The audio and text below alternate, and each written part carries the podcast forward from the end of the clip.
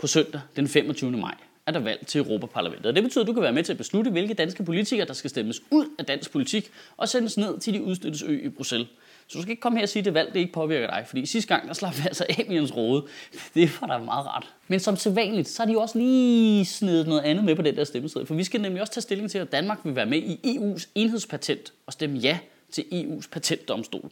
Og det må vi nok se i øjnene, at det er vi ikke rigtig kvalificeret til at svare på, nogen af os overhovedet. Altså, det handler om jure, EU og teknologi. Hvorfor spørger de os overhovedet om sådan noget? Man havde jo så håbet på, at vores folkevalgte politikere så ligesom havde sat sig ind i sagen og kunne forklare os danskere, hvad det egentlig gik ud på. Men det står der soleklart efter den her uge, at selv politikerne aner simpelthen ikke, hvad det går ud på. Så endnu en gang har jeg måttet bruge natten på at læse op på det, og nu har jeg tænkt mig at forklare dig, hvad enhedspatent og patentomstolen betyder for Danmark. Kan vi, kan vi ikke droppe det? Jeg gider ikke alligevel. Godt. Vi tager det fra bunden af. Når et firma opfinder noget nyt, så kan de søge patent på den opfindelse, så der ikke er nogen andre, der stjæler ideen. Patentet gælder i det land, man har søgt det i. Det vil sige, at hvis et firma vil have patent i hele EU, så skal man søge i hver enkelt land. EU vil nu lave en fælles patentmyndighed og en dertilhørende domstol, der skal afgøre eventuelle stridigheder.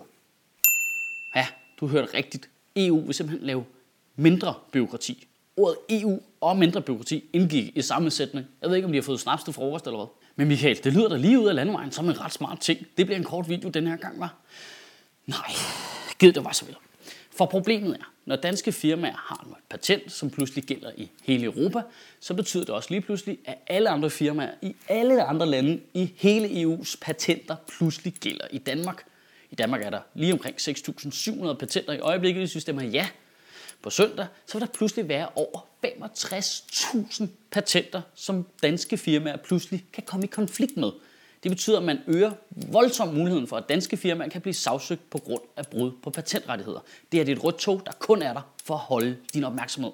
Når man skal opveje fordelene over for ulemperne ved enhedspatenten og en fælles EU-patentdomstol, så er det vigtigt, at man ligesom har proportionerne med. Det er noget, politikerne har en tendens til at glemme lidt, hver gang de åbner deres tykke um, armarniklædte ansigter.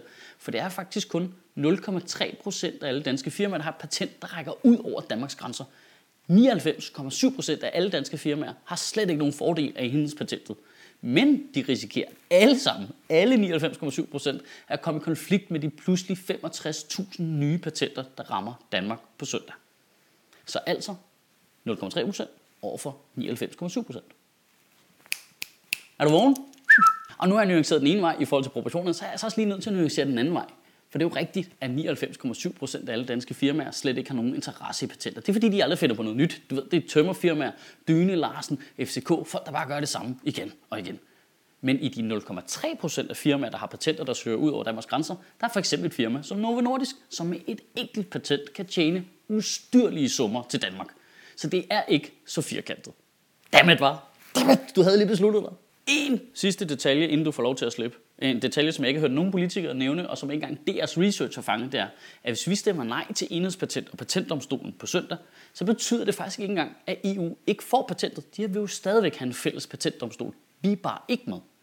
Så danske firmaer har stadigvæk fordelen af meget mindre byråkrati, hvis de skal have deres patent i resten af Europa, for de skal kun søge et sted. Hvis vi stemmer nej, skal de bare også søge Danmark separat. Så hårdt trukket op.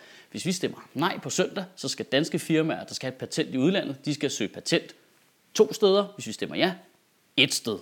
Hvis vi stemmer nej, er der 6.700 patenter i Danmark. Hvis vi stemmer ja, er der pludselig over 65.000 patenter. Det var the basics, og det var slet ikke grundigt nok. Der er masser af ting, vi ikke nåede at snakke om. Vi nåede ikke at snakke om patenthajer, omkostninger ved patenter, hvor meget man sparer, når der er en enhedspatent involveret, og vi nåede slet ikke at snakke om softwarepatenter. Det er frygtelig avanceret, men vi skal også lige huske at slå fast, jeg er ikke din far. Du kan også selv undersøge nogle ting. Og du kan også selv tage ansvar, og et godt tidspunkt at gøre det på, vil være på søndag den 25. maj til Europaparlamentsvalget. Kan du have en rigtig god uge, og Gud bevare min bar. Ej, åh oh gud, jeg håber bare noget det der var rigtigt. Hold kæft, hvor er det avanceret. I det mindste er der vel ikke nogen, der er patent på at sige ting forkert. Nå, Søren Pind, okay. Ja, så må jeg håbe, han ikke sagsøger os, hvis noget af det der viser sig ikke at være rigtigt. Der var en gang, hvor du kunne stemme ud for nogle ting. I dag har du dybest set to valgmuligheder. Du kan stemme på dem, der fucker det hele op, eller dem, der ikke kan finde ud af at reparere det igen. Det er det. Ja, det, er, det er jo så det problemet der jo.